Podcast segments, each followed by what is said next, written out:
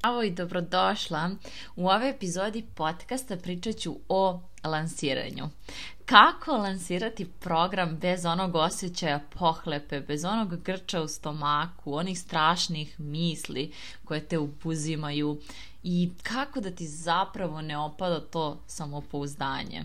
Ovo su najčešće stvari koje ljudi govore kada je u pitanju lansiranje jeste da misle da sabotiraju svoju prodaju, da zapravo ne mogu da kontrolišu svoje misli, da zapravo kada uđu u taj moment lansiranja imaju sve strašnijeg unutrašnjeg kritičara, da im se javlja taj imposter sindrom i slično tome i da zapravo ne znaju kako da uspešno prodaju i kako da naprave tu, taj uspešan upis na svoj program ili određeni kurs. E pa stvar je u tome što se obično fokusiramo na tih mjesec dana pred sam program i što se fokusiramo na tu samu prodaju, a ne na celokupno planiranje lansiranja. Jer zapravo ja volim da kažem da lansiranje nije ono što radiš neposredno pred upis na program, nego sve akcije u određenom vremenskom intervalu. Šta to konkretno znači? To konkretno znači da imaš stres pred lansiranje upravo zato što prvo ne razumeš kako funkcioniše lansiranje, a onda i ne planiraš unapred to svoje lansiranje i kako ćeš ljudima davati vrednost kroz vrijeme. Lansiranje ima tri faze. Prva faza je pre-launch, druga faza je launch i post-launch. Sada ću detaljno objasniti svaku od tih faza i šta radimo i zbog čega je zapravo bitno da minimum 3 meseca unapred radimo to lansiranje programa jer tako smanjujemo svoj stres i tako apsolutno znamo gde se sada nalazimo i koja nam je sledeća faza. Pa prvo pri launch je onaj moment kada se mi zapravo pripremamo za lansiranje. Kada razmišljamo o strategiji sadržaja, šta je ono što ćemo kreirati, kako ćemo davati vrijednost, kako ćemo zagrijevati publiku kroz različite kanale, bilo da je to Instagram, newsletter, YouTube ili podcast. Kako ćemo najavljivati taj određeni program? Jer ono što se često ljudima i dešava se da uđu u tu launch fazu i da samo jednom kažu, e, počinje upis na moj program, imate nedlju dana da se prijeve.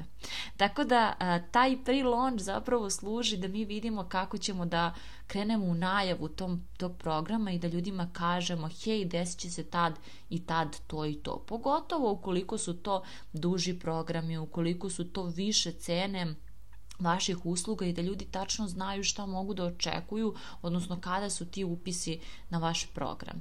Jer to je poenta, znači da ako ljudi ne planiraju napred, mala je verovatnoća da će zaista to i kupiti, jer jel te nisu imali to u planu i onda nisu se pripremili ni financijski, a ni vremenski za vaš program.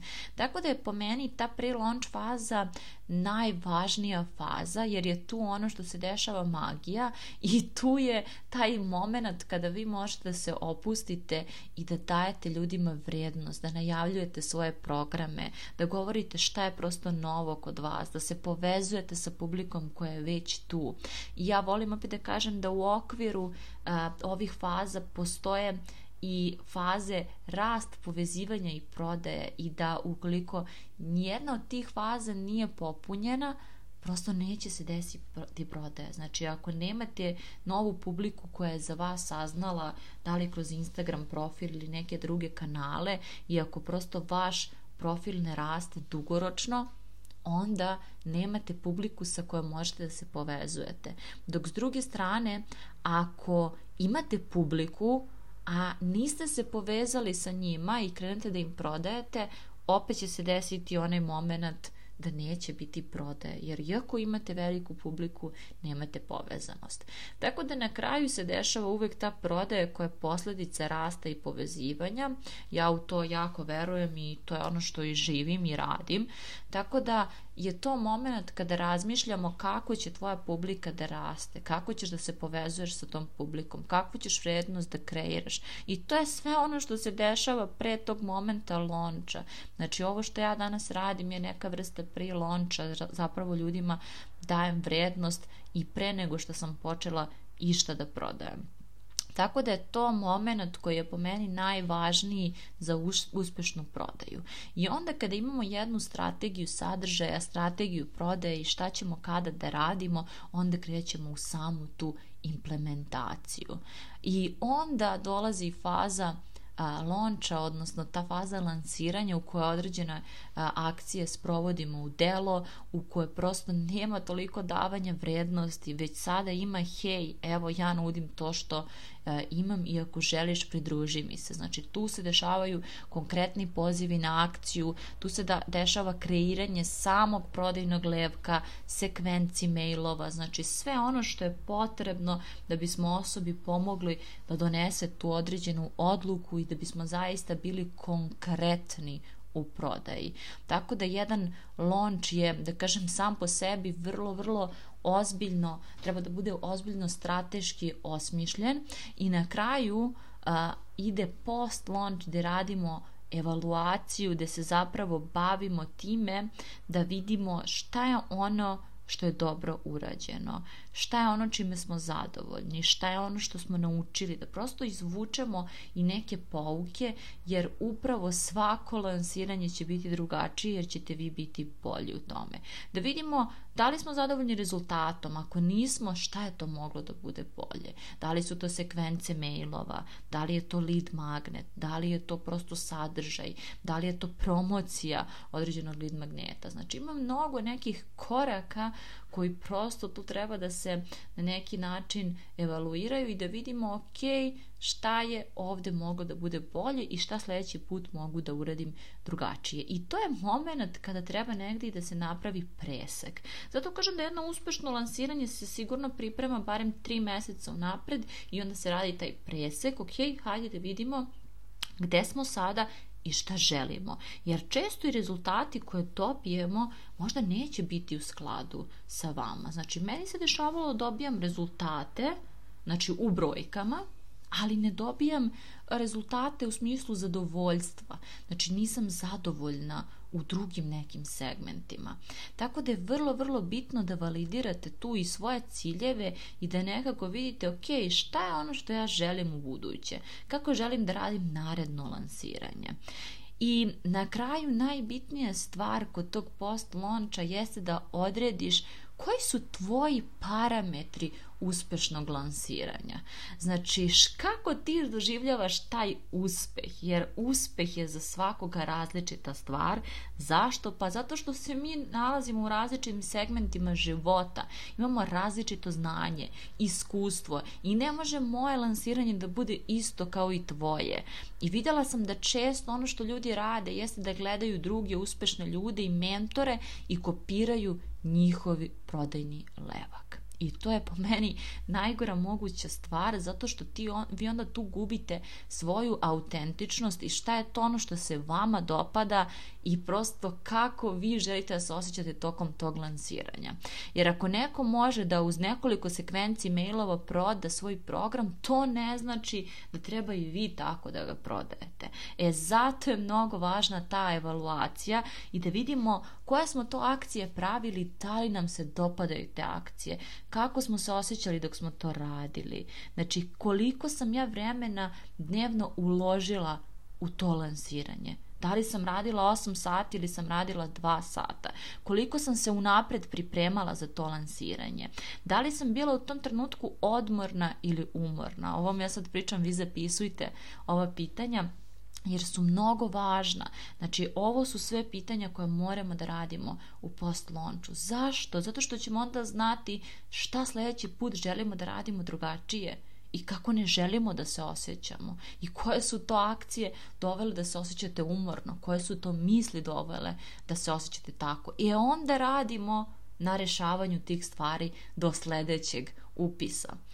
Tako, još, jedna, neka pitanja koja mogu da vam služe jesu da li sam uživala u tom lasiranju, da li je ljudima bilo korisno, znači koliko sam ja vrednost dala u ovom celokupnom lansiranju, koliko sam novih ljudi dobila, što na profilu, što na newsletteru, šta sam novo naučila, kako sam se prema sebi ponašala tokom lonča.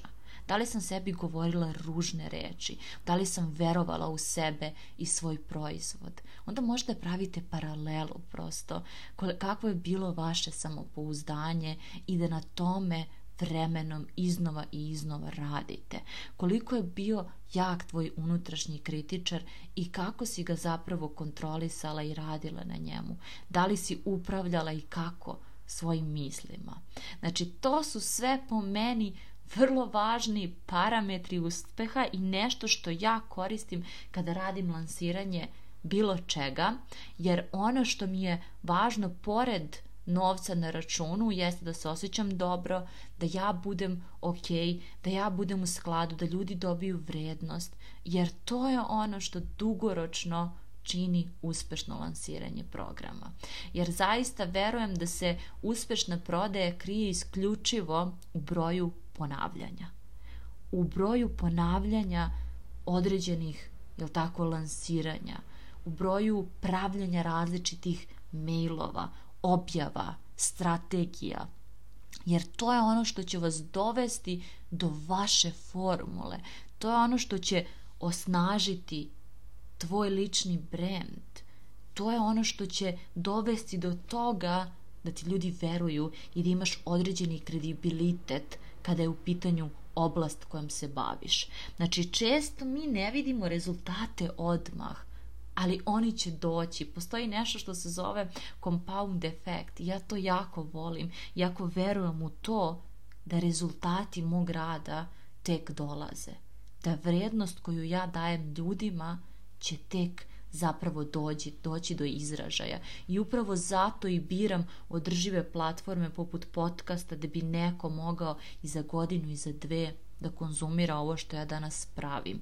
I zato je moja strategija trenutno usmerena na održiv biznis, na ono što ja učim ljudima, učim ih kako da održivo vode svoje biznise, a ne kako da odustanu sutra i kako da ne znam, troše svoje vrijeme i energiju da se osjećaju kao krpa. Jer sve to sam i ja prošla. Znači, jedan od mojih najvećih parametra uspjeha je bio novac na računu. I šta se desilo kada sam ostvarila taj cilj? Osjećala sam se katastrofa. Osjećala sam se depresivno, anksiozno. Bila sam u strahu. Šta ako ovaj novac nestane?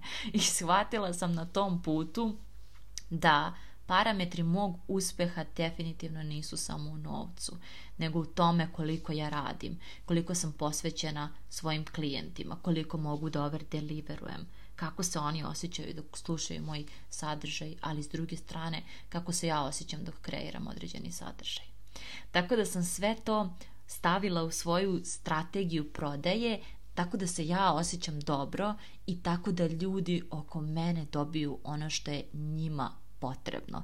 Jer su to, ta dva preseka su za mene biznis kakav ja želim da imam i prodaja kakvu ja želim da imam. Ako ja imam prodaju, a pritom se raspadam od posla i pritom uopšte se nekako ne osjećam ni odmorno, ni dobro u svom telu, onda to za mene nije uspešno lansiranje i to za mene nije apsolutno uspešan biznis.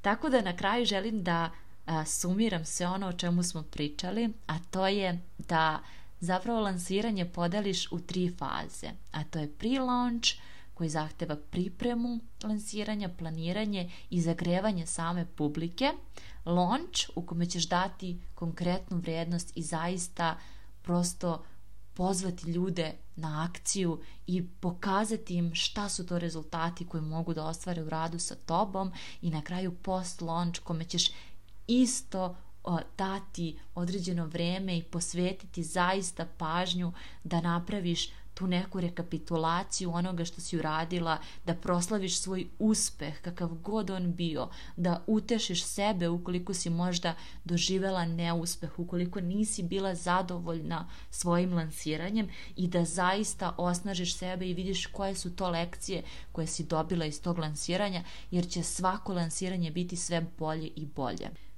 Ako želiš da produbimo ovu temu, možeš mi pisati na mailu ili na Instagramu i reći mi svoje mišljenje o lansiranju programa. Jako se radujem da ti pomognem na tom putu, tako da trenutno radim samo individualne saradnje i mentorske obuke i ukoliko ti je potrebna pomoć na tom putu, možeš mi pisati na mailu ili na Instagramu koji ću ostaviti u opisu ove epizode. Nadam se da ti ova lekcija emisija služila, a mi se čujemo u sljedećoj.